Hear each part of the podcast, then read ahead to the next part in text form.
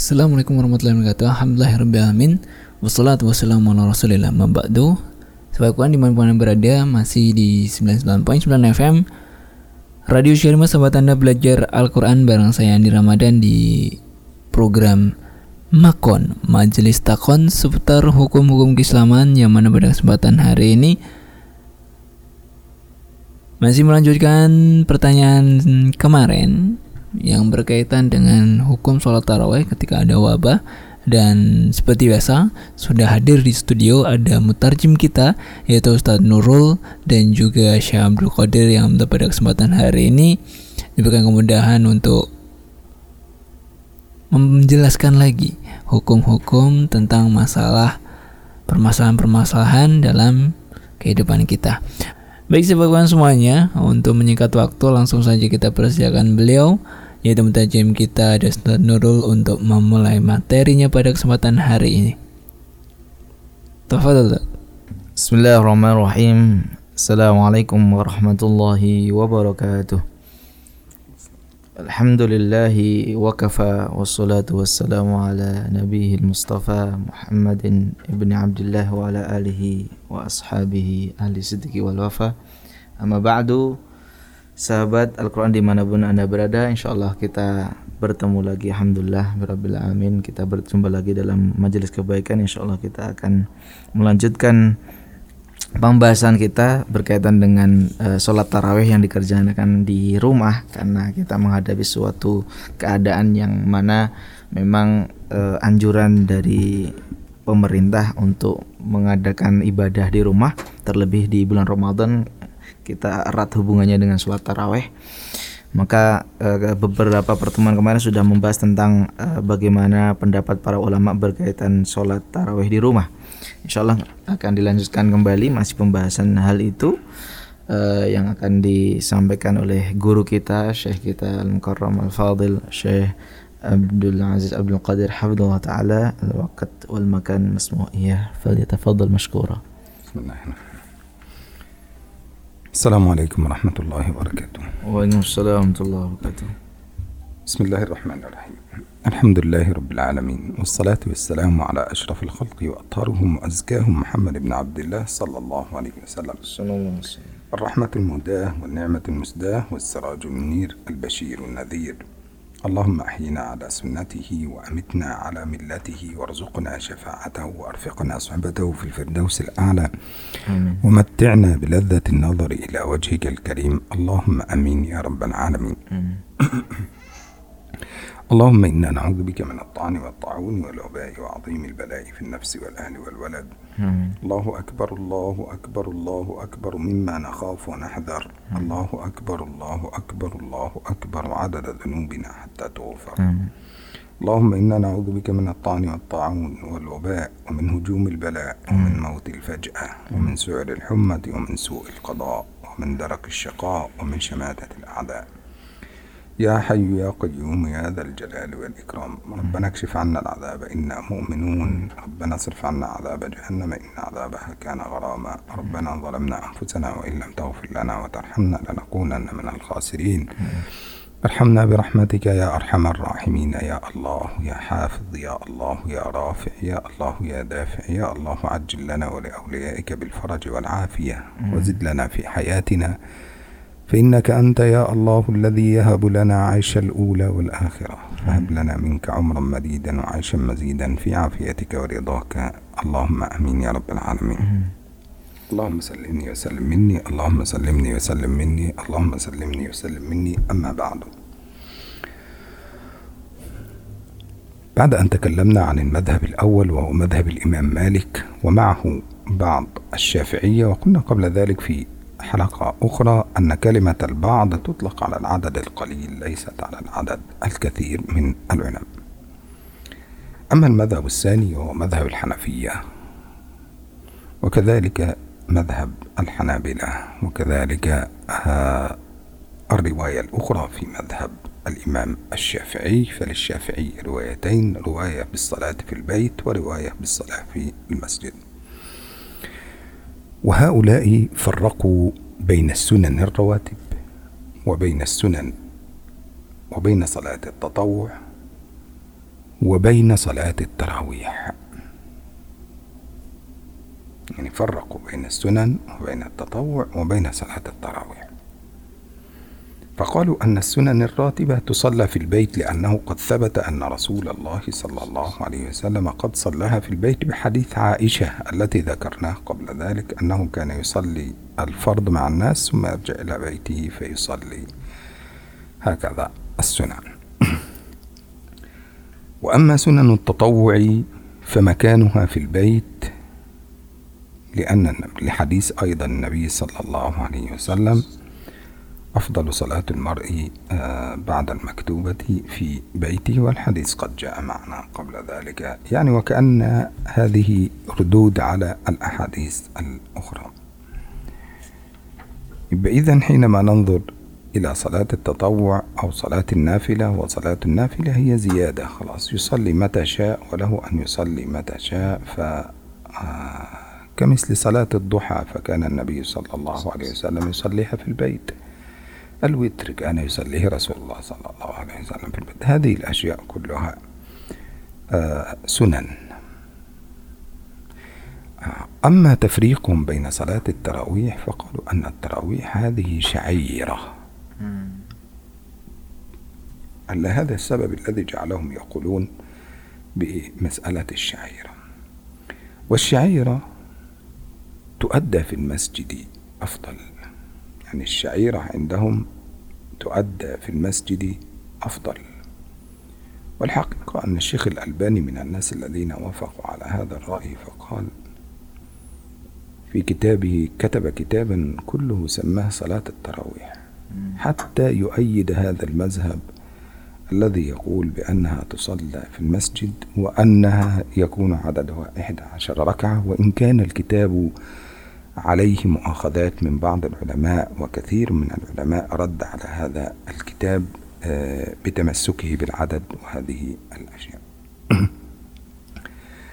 فوافق الألباني فبدأ كتابه في صلاة التراويح فقال ويستحب صلاة التراويح التي تسمى بقيام الليل في رمضان في المسجد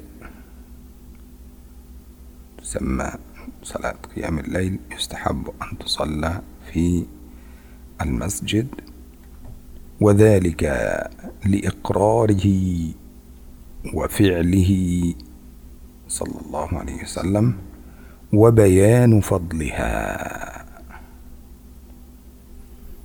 هكذا. وبدأ يشرح في الإقرار وفي هذا وفي هذا ونبين ذلك بعد ذلك إن شاء الله Baik. Uh, sebelumnya sudah disampaikan madhab pertama tentang uh, pendapat bagaimana uh, hukum dalam sholat tarawih di rumah. Pendapat pertama madhab Maliki ya. Kemudian beliau akan menyampaikan madhab selanjutnya madhab yang kedua adalah madhab dalam madhab Hanafiyah kemudian Hanabilah dan juga riwayat lain-lain uh, dalam madhab Syafi'i. Yang mana menurut madhab yang tiga ini dan tiga riwayat ini bahwa mereka membedakan antara tiga nama sholat sunnah. Ya. Pertama nyebutnya adalah sering kita sebut uh, sholat sunnah rawatib atau yang mana sholat sunnah yang berkaitan dengan sholat fardu. Maka mereka mengatakan madhab kedua mengatakan uh, sholat sunnah rawatib ini dilakukan lebih baik afdolnya dilakukan di rumah sebagaimana hadis Aisyah yang sudah disampaikan bahwa uh, Ibunda Aisyah radhiyallahu anha menyampaikan bahwa Nabi SAW itu kebiasaan melakukan 12 rakaat rawatib itu di rumah. Setelah selesai mengimami sholat fardu di Masjid Nabawi kemudian beliau masuk rumah dan kemudian melakukan sholat sunnah. Kemudian istilah kedua adalah tatawu ya secara umum yaitu sholat sunnah yang lain yang bukan rawatib ini juga lebih afdal dilakukan di di rumah sebagaimana hadis-hadis yang lain termasuk e, maka sholat duha, sholat witir itu banyak Nabi SAW melakukan di rumah. Nah berkaitan yang ketiga adalah yang kita bahas sholat taraweh. Pendapat yang kedua ini mengatakan bahwa sholat taraweh itu adalah sebu sebuah syiar, syiar syiar agama. Yang artinya dia ini e, tidak sebagaimana sholat sunnah yang lainnya yang dikerjakan afdolnya di rumah. Tapi karena taraweh ini adalah sebuah syiar maka dia lebih afdol dilaksanakan di masjid. Ya. Dan pendapat ini pula yang dikuatkan disetujui oleh uh, uh, al Imam Al Albani rahimahullah taala dalam kitabnya. Sampai beliau mengarang kitab khusus judulnya adalah sholat taraweh. Yang beliau di antaranya uh, isi buku itu adalah menguatkan pendapat madhab ini tentang bahwa tarawih itu adalah sebuah syiar yang harus dilakukan abdulnya di masjid. Termasuk beliau lebih berpendapat bahwa uh, kuat beliau menguatkan sholat tarawih itu jumlahnya 11 rakaat. Ya, 11 rakaat meskipun banyak ya uh, pendapat-pendapat tentang jumlah so, uh, rakaat sholat tarawih. Nah, beliau mengatakan di antaranya adalah beliau mengatakan wa yustahabbu lebih disunahkan bahwa melaksanakan sholat tarawih ini fil masjid di masjid. Karena apa? Dengan alasan di antaranya adalah karena itulah yang disetujui oleh Rasulullah SAW itulah perbuatan atau fil, uh, sunnah yang beliau tinggalkan termasuk Nabi SAW menerangkan tentang fadilah sholat tarawih yang dilaksanakan berjamaah di masjid. Dan beliau akan menerangkan uh, apa yang disebut ikrar itu apa, kemudian uh, fi'il Nabi itu per, uh, perbuatan Nabi apa dan termasuk fadilah-fadilah tarawih di masjid itu apa saja akan beliau sampaikan. واستدلوا على ذلك أو على أن الصلاة يستحب أداؤها في المسجد استدلوا أول شيء بإقراره سنة صلى الله عليه وسلم ما معنى إقراره صلى الله عليه وسلم نحن عندنا في السنة أو في أصول الفقه أن السنة هي سنة إما أن تكون سنة بيانية أو سنة فعلية أو سنة تقريرية هكذا. فالبيانية هي التي ينطبق عليها قول النبي صلى الله عليه وسلم والفعلية من فعله صلى الله عليه وسلم. يعني أفعاله هو لم يتكلم لكن فعل. طيب. أما السنة التقريرية فهذا التقرير إما أن يكون بالسكوت إما أن يكون تقريرا بسكوته صلى الله عليه وسلم وإما أن يكون تقرير أو إقرار لهذه السنة بالكلام منه صلى الله عليه وسلم. وإما أن يكون هذا الإقرار بالضحك.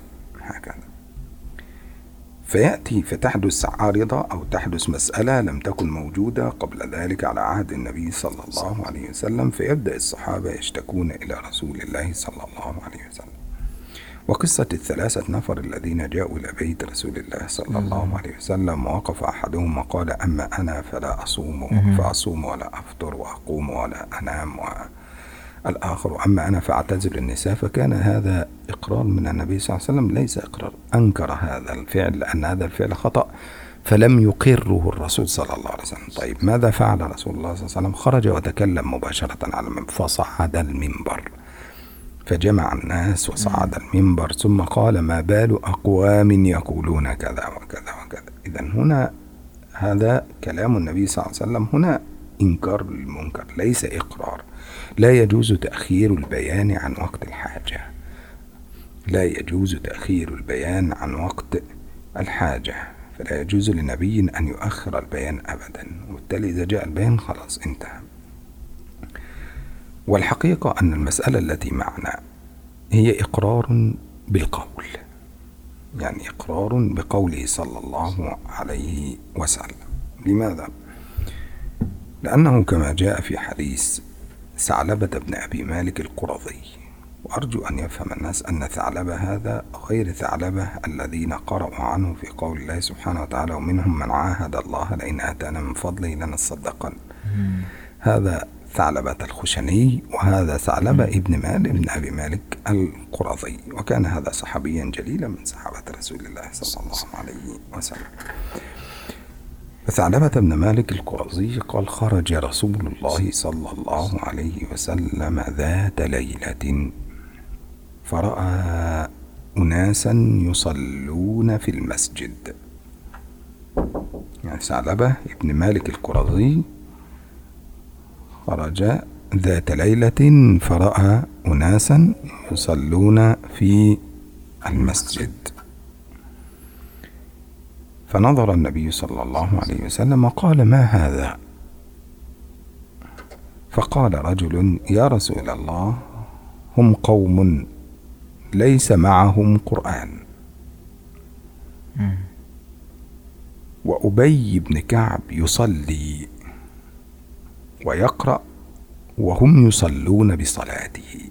إذا هم اجتمعوا على عهد رسول الله صلى الله عليه وسلم. حتى لا يظن الناس أن الصحابة لم يفعلوا هذا الأمر. وأن عمر حينما قال نعمة البدعة هذه يعني هذه بدعة كما يقولون لا. يقصد بها عمر أن سنة أنها حدثت فعلا على عهد رسول الله صلى الله عليه وسلم. فرأى النبي صلى الله عليه وسلم ذلك فقال النبي صلى الله عليه وسلم قد أحسنوا. أو هذا شك من الراوي أو قد أصابوا. يعني ليس معهم شيء من القرآن فقد أصابوا السنة فجاءوا فاجتمعوا في المسجد فصلوا خلف أبي بن كعب يعني بحثوا عن قارئ يقرأ لهم ويصلون خلفه فصلى هؤلاء القوم بصلاة أبي بن كعب وهذا قوله قد أحسنوا وقد أصابوا هذا يدل على الإقرار منه صلى الله عليه وسلم على موافقة فعلهم. وقد جاء هذا الحديث أيضا قد رواه أبو داود والبيهقي وقد جاء هذا الحديث أيضا في رواية أخرى عن أبي هريرة رضي الله عنه. أما في رواية أبي داود والبيهقي فهي مرسل هذا حديث مرسل حسن مرسل حسن. وأما في حديث البيهقي فهو في حديث أبي هريرة أو رواية أبي هريرة هي أقوى منه سندا وأفضل. ويذكر فيها مثل ما ذكر ثعلبة ابن أبي مالك القرظي Baik. Kemudian beliau menyampaikan tentang dalil-dalil yang dipakai oleh madhab yang kedua ini tentang bahwa uh, tarawih adalah syiar yang harus dilakukan, afdalnya adalah di masjid dengan berjamaah. Dalil pertama adalah berkaitan dengan ikror atau uh, persetujuan ya dari Nabi Shallallahu Alaihi Wasallam bahwa persetujuan Nabi itu juga adalah ada sunnah bahwa dalam uh, kaidah usul fikih dalam pelajaran usul fikih uh, dalam agama kita bahwa yang disebut sebagai hadis atau peninggalan sunnah Nabi itu bisa berkaitan dengan perkataan beliau, bisa perbuatan beliau, juga bisa sebagai persetujuan beliau terhadap suatu perkara yang mana persetujuan itu bisa jadi karena beliau diamkan, kemudian atau beliau uh, uh, berkata sesuatu menyetujui perbuatan para sahabat atau dengan uh, isyarat-isyarat yang sebagaimana beliau misal tersenyum dengan perbuatan perkataan para sahabat. Ini berarti adalah persetujuan Nabi SAW karena Nabi SAW sebagai seorang Nabi tidak pernah namanya mengakhirkan sesuatu hal yang harus beliau sampaikan. Tidak pernah sama sekali. Di antaranya adalah kisah tiga sahabat Nabi SAW yang datang kepada Nabi kemudian mengatakan kemudian mengatakan wahai Nabi aku tidak akan pernah uh, apa namanya tidak puasa artinya pengen berpuasa terus yang satunya bilang wahai Nabi aku tidak akan pernah tidur qiyamul terus. Yang ketiga, ya Nabi, aku tidak akan menikah. Aku ingin uzlah, ingin tidak menikah. Kemudian apa yang dilakukan Nabi Sallallahu saat itu juga beliau langsung menuju mimbarnya. Kemudian semua sahabat dikumpulkan. Kemudian beliau bersabda, "Mabalu akwam." Ya, bahwa tidak boleh para seseorang atau suatu orang kelompok yang kemudian mengatakan ini ini ini yang tadi disampaikan oleh tiga sahabat tadi karena uh, artinya apa? Itu pengingkaran dari Nabi Shallallahu Alaihi Wasallam tidak menyetujui. Artinya ketika suatu hal memang perlu dan butuh saat itu juga uh, harus di diterangkan maka Nabi tidak pernah mengakhirkan. Artinya ketika beliau berdiam dengan suatu hal yang baru dilakukan oleh para sahabat berarti itu adalah sebuah persetujuan dari beliau dan itu menjadi sebuah uh, hukum dalam agama kita. Nah, berkaitan dengan sholat tarawih ini ada persetujuan Nabi dengan perkataan hadis dari sahabat agung Tha'labah ibn Malik al-Qurazi radhiyallahu anhu yang mana hadis ini dalam uh, beberapa riwayat ya nanti disampaikan juga di beberapa uh, ulama hadis bahwa suatu ketika beliau melihat Tha'labah ini melihat Rasulullah SAW keluar dari rumahnya kemudian melihat sahabat-sahabat yang lain itu sedang sholat jamaah Ya, maksudnya di sini adalah sholat jamaah tarawih.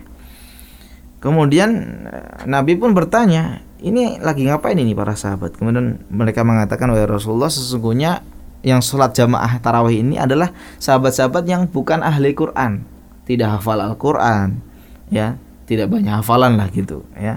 Kemudian mereka me sholat berjamaah yang mengimami adalah Ubay bin Ka'ab radhiyallahu anhu. Karena beliau Ubay bin Ka'ab adalah seorang hafid dari kalangan sahabat termasuk qurra'nya para sahabat. Maka kemudian Rasulullah SAW bersabda qad ahsanu aw asabu. Ya bahwa mereka ini uh, telah melakukan suatu yang baik melakukan suatu yang benar. Artinya perbuatan para sahabat berkumpul di masjid kemudian sholat tarawih diimami oleh sahabat Ubay bin Ka'ab itu disetujui oleh Nabi Sallallahu alaihi wasallam. إذا حينما جمع عمر بن الخطاب الصحابة على أبي بن كعب جمعهم لأن القصة كانت حدثت على أبي بن كعب يعني حينما جمعهم لأن أبي له قصة في هذا الأمر مع رسول الله صلى الله عليه وسلم وهي ثابتة ومعروفة للصحابة ومعروفة لعمر بن الخطاب ولغيره. والثاني أن أبي بن كعب كان من أفضل القراء يعني كان من أفضل القراء ل لأحاديث لكتاب الله سبحانه وتعالى. حتى أن النبي صلى الله عليه وسلم قد شهد لأبي بن كعب في حديث فقال وأقرأهم أبي وأقرأهم أبي. وكان أبي بن كعب صوته جميلا فلذلك جمع عمر الصحابة عليه لأنه توافرت فيه جميع المواصفات ولأنه قد حدثت له سنة مع النبي صلى الله عليه وسلم أو قصة مع رسول الله صلى الله عليه وسلم قبل موته. واعترض المالكية حقيقة على هذا الدليل بقولهم أن في الدليل قولا ظاهرا. يعني في الدليل قولا ظاهرا. وهو ماذا؟ قالوا أن الدليل يقول أناس ليس معهم قرآن. يعني معنى ذلك أنهم لا يحفظون شيئا. وبالتالي علم على من لم يحفظ شيئا ولم يستطيع وقلنا أن المالكية قبل ذلك اشترطوا أن يكون معه من القرآن حتى يصلي في بيته. وما معه من القرآن كنا قل هو الله أحد تكفي ويكررها ستكفي. هكذا. لكن هؤلاء قالوا لأن عندهم شروط يعني الحنفية عندهم أن يقرأ المالكي الحنفية والحنابلة يستحب عندهم أن يقرأ القرآن كاملا في شهر رمضان. يعني قراءة القرآن في التراويح هذه مستحبة عند الحنفية الذين قالوا بالصلاة في المسجد يستحب عندهم أن يبدأ القرآن من أوله إلى آخره. هذا مذهب الحنفية والحنابلة. عند الشافعية لمن استطاع لمن استطاع أن يقرأ القرآن كاملا فليقرأه ومن لم يستطع فيصلي بأي آيات أو بأي صلوات أو بأي شيء يحفظه من القرآن. فقال المالكية في ردهم على هذا الحديث آه أنه يوجد أناس ليس معهم شيء من القرآن وبالتالي إذا لم يكن معهم شيء من القرآن فيحتاجون إلى من يؤمهم في الصلاة. يعني يحتاجون إلى من يؤمهم في الصلاة. طيب ورد هنا خاطرة سريعة يمكن أذكرها لو قال رجل أنا ليس معي شيء من القرآن والآن أنا ممنوع ممنوع من أن أذهب إلى المسجد والمساجد مغلقة ولا نستطيع أن نصلي وأريد أن أصلي في البيت وأنا ليس معي شيء من القرآن ماذا أفعل؟ أنا ماذا أفعل؟ لا معي الفاتحة ولا معي شيء ولا هكذا. نقول له بداية ابدأ تعلم. ابدأ وتعلم. وحاول أن تجد من يعلمك هذه السورة. ولكن في هذه الفترة وهي فترة التعليم لك أن تصلي بقوله أو بقول سبحان الله والحمد لله ولا إله إلا الله والله أكبر ولا حول ولا قوة إلا بالله العلي العظيم. بدل الفاتحة؟ نعم بدل الفاتحة. بدل السورة بدل القراءة. نعم سبحان الله والحمد لله ولا إله إلا الله والله أكبر ولا حول ولا قوة إلا بالله العلي العظيم. فقد ذكر القرطبي في كتابه جامع آه الجامع لأحكام القرآن في تفسيره لسورة الفاتحة في المسألة الأخيرة. قال ما نصه؟ جاء رجل إلى رسول الله صلى الله عليه وسلم وقال يا رسول الله إني أريد أن أصلي وليس معي شيء من القرآن. قال أو ليست معك الفاتحة؟ قال لا يا رسول الله ليس معي شيء من القرآن. فقال له رسول الله صلى الله عليه وسلم قل سبحان الله والحمد لله ولا إله إلا الله والله أكبر ولا إله إلا الله والله أكبر ولا حول ولا قوة إلا بالله العلي العظيم. هل تستطيع هل تحفظها؟ قال أحفظها يا رسول الله. قال إذا قلها في صلاتك. فكانت هذه عوضا عن القراءة. إذا لم يستطيع أن يقرأ ولذلك المالكية قالوا إذا كان في بيت لا يستطيع فهناك بديل من النبي صلى الله عليه وسلم وهو التسبيح والتحميد والتهليل وهكذا فيكفيه أن يصلي به ولا بأس. ولذلك الناس لا تشدد على نفسها حقيقة كما قلنا لأن هذه مسألة اختبار إيمان. أدي إيمانك كما تشاء. واجعلوا بيوتكم قبلة وأقيموا الصلاة Baik, tadi disampaikan tentang uh, dalil yang pertama berkaitan dengan perbuatan para sahabat yang mem, uh, sholat jamaah taraweh kemudian diimami oleh Ubay bin Kaab dan maka kemudian nanti di zaman Umar radhiyallahu anhu juga beliau termasuk yang kemudian karena sempat uh, di zaman Nabi nanti terputus ya beliau tidak kemudian setiap hari melakukan tarawih dengan para sahabat kemudian baru kemudian di zaman Umar dimulai lagi. Beliau me, e, memerintahkan Ubay bin Ka'ab sebagai imam karena e, Ubay bin Ka'ab tadi di kisah pertama bahwa beliau yang pertama kali kemudian diminta oleh para sahabat yang lain untuk mengimami. Termasuk e, beliau ini mendapatkan rekomendasi langsung dari Rasulullah SAW bahwa Ubay bin Ka'ab itu adalah min afdhali qurra termasuk e, korek terbaik di kalangan para sahabat di antara hadis Nabi SAW wa qra'uhum Ubay bahwa dari kalangan sahabat yang paling istilahnya Qurannya bagus, suaranya bagus, dobit seterusnya itu adalah Ubay bin Ka'ab radhiyallahu anhu. Nah, berkaitan dengan dalil pertama yang dipakai oleh uh, pendapat kedua tentang bahwa tarawih ini adalah sebuah syiar agama yang harus dilakukan berjamaah di masjid. Nah, pendapat yang pertama yang mengatakan itu adalah sebuah uh, apa namanya uh, yang dilakukan di rumah yaitu Imam Malik uh, Mata Malikiyah ma istilahnya memberikan sebuah tanggapan ya. Bahwa tadi di hadis tadi bahwa dikatakan sahabat-sahabat yang meminta diimami oleh Ubay bin Ka'ab melaksanakan sholat tarawih berjamaah ini adalah laisa ma'humul Quran ya minal Quran syai'un minal Quran. Tidak memiliki hafalan sedikit pun dari Al-Quran. Artinya uh, artinya ketika memang beliau mengatakan Mata Maliki mengatakan kan ada banyak dalil mengatakan cukup membaca Al-Ikhlas itu sudah seperti sepertiga Al-Qur'an. Kemudian membaca Al-Kafirun seperti seperempat dan surat-surat yang pendek yang memiliki fadilah luar biasa kan sudah cukup untuk itu yaitu uh, ternyata memang di madhab yang kedua ini yaitu madhab Hanafiyah dan Hanabilah mengatakan bahwa sangat dianjurkan sunnah ketika tarawih ini sampai menghatamkan Al-Quran. Ya artinya tidak hanya tarawih seperti uh, pada umumnya yang istilahnya penting sholat kemudian baca sholat pendek tidak, tapi dalam madhab Hanafiyah dan uh, Hanabilah bahwa menghatamkan Al-Quran itu dalam sholat tarawih ada sebuah uh, sunnah yang sangat disyariatkan. Nah, pendapat yang Imam uh, dalam Syafi'ah mengatakan bahwa membaca Al-Quran di sini ketika tarawih itu uh, semampunya, tidak harus hatam. Berbeda dengan pendapat Hanafiyah dan Hanabilah. Kemudian muncul pertanyaan dengan kondisi sekarang, ya banyak yang memang uh, biasa kan tarawih berjamaah enak ya, yang belum bisa baca Quran pun bisa ikut melaksanakan sholat tarawih karena yang imamnya adalah seorang yang yang ahli Al-Qur'an. Bagaimana kalau harus seperti ini? Kita harus taat aturan uh, anjuran pemerintah dan kesehatan harus sholat tarawih ibadah di rumah masing-masing. Dan kemudian tidak memiliki Al-Qur'an sedikit pun, bahkan baca Quran aja tidak bisa.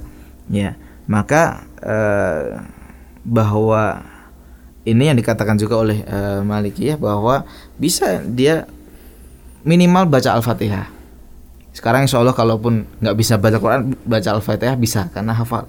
Kalaupun bahkan tidak hafal Al-Fatihah sama sekali karena memang mungkin sangat awam, sangat uh, masih pemula bahkan mualaf mungkin ya.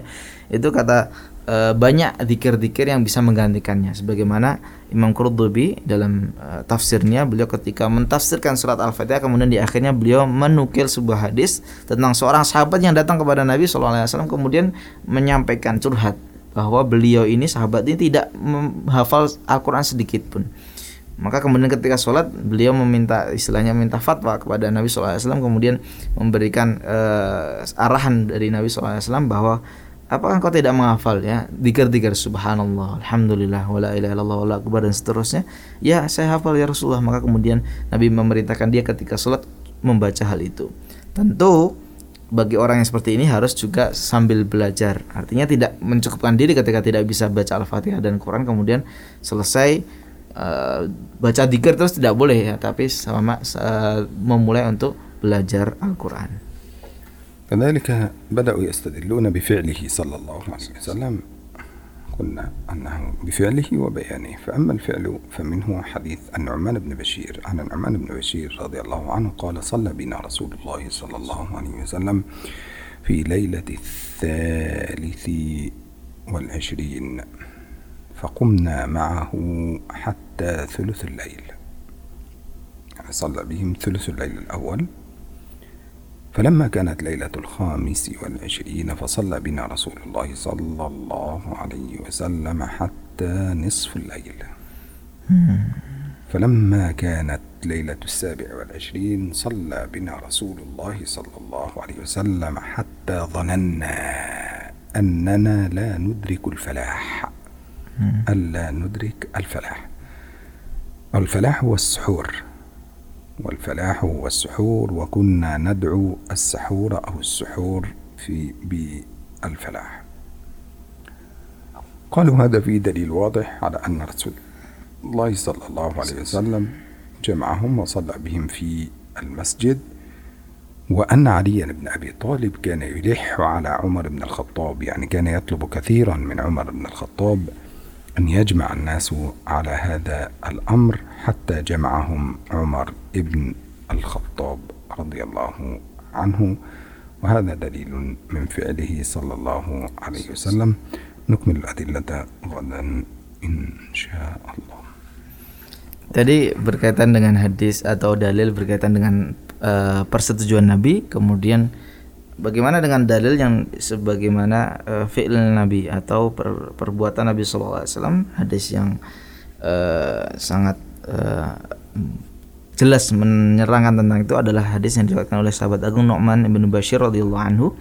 Beliau berkata bahwa kami sholat bersama Nabi SAW sholat taraweh di malam 23 ya diimami oleh Nabi SAW sampai sepertiga malam Artinya uh, kalau malam itu mungkin sekitar eh, 6 jam lah ya, berarti dua jam itu dua jam awal pada Isya itu tarawih bersama Nabi. Itu malam 23. Kemudian kata Nu'man bin Bashir di malam 25 kembali mereka sholat taraweh bersama Rasulullah SAW diimami oleh beliau. Kemudian sampai set, set, apa tengah malam. Ya artinya tiga jam full sholat malam sholat taraweh.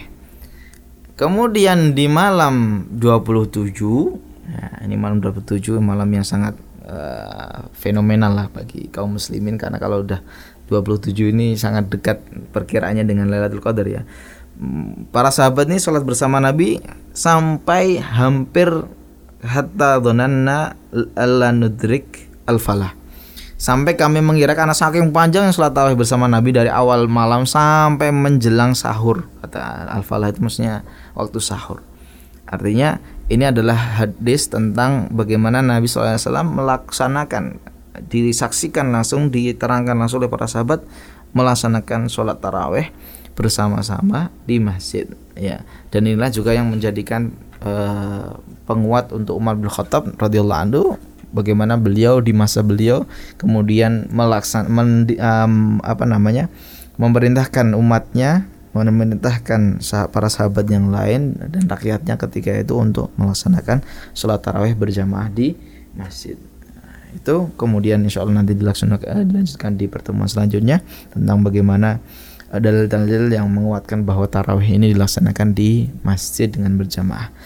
Demikian kurang lebihnya mohon maaf kita tutup dengan kafatul majelis subhanakallahumma bihamdika asyhadu an la ilaha illa anta astaghfiruka wa atubu ilaik wassalamualaikum warahmatullahi wabarakatuh.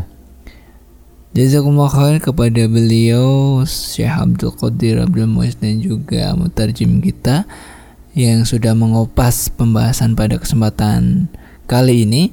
Namun masih juga belum selesai sampai di sini ya dan tetap ikuti terus program selanjutnya dan juga kelanjutannya hanya di 99.9 FM Radio Iskarima Sahabat Anda Belajar Al-Quran Kali saya Andi Ramadan pamit undur diri dari rumah dengar sahabat semuanya Terima kasih atas kebersamaannya Dan mohon maaf ya atas segala khilaf Alhamdulillahirrahmanirrahim Subhanakallahumma wa bihamdika asyhadu an la ilaha illa anta astaghfiruka wa atubu.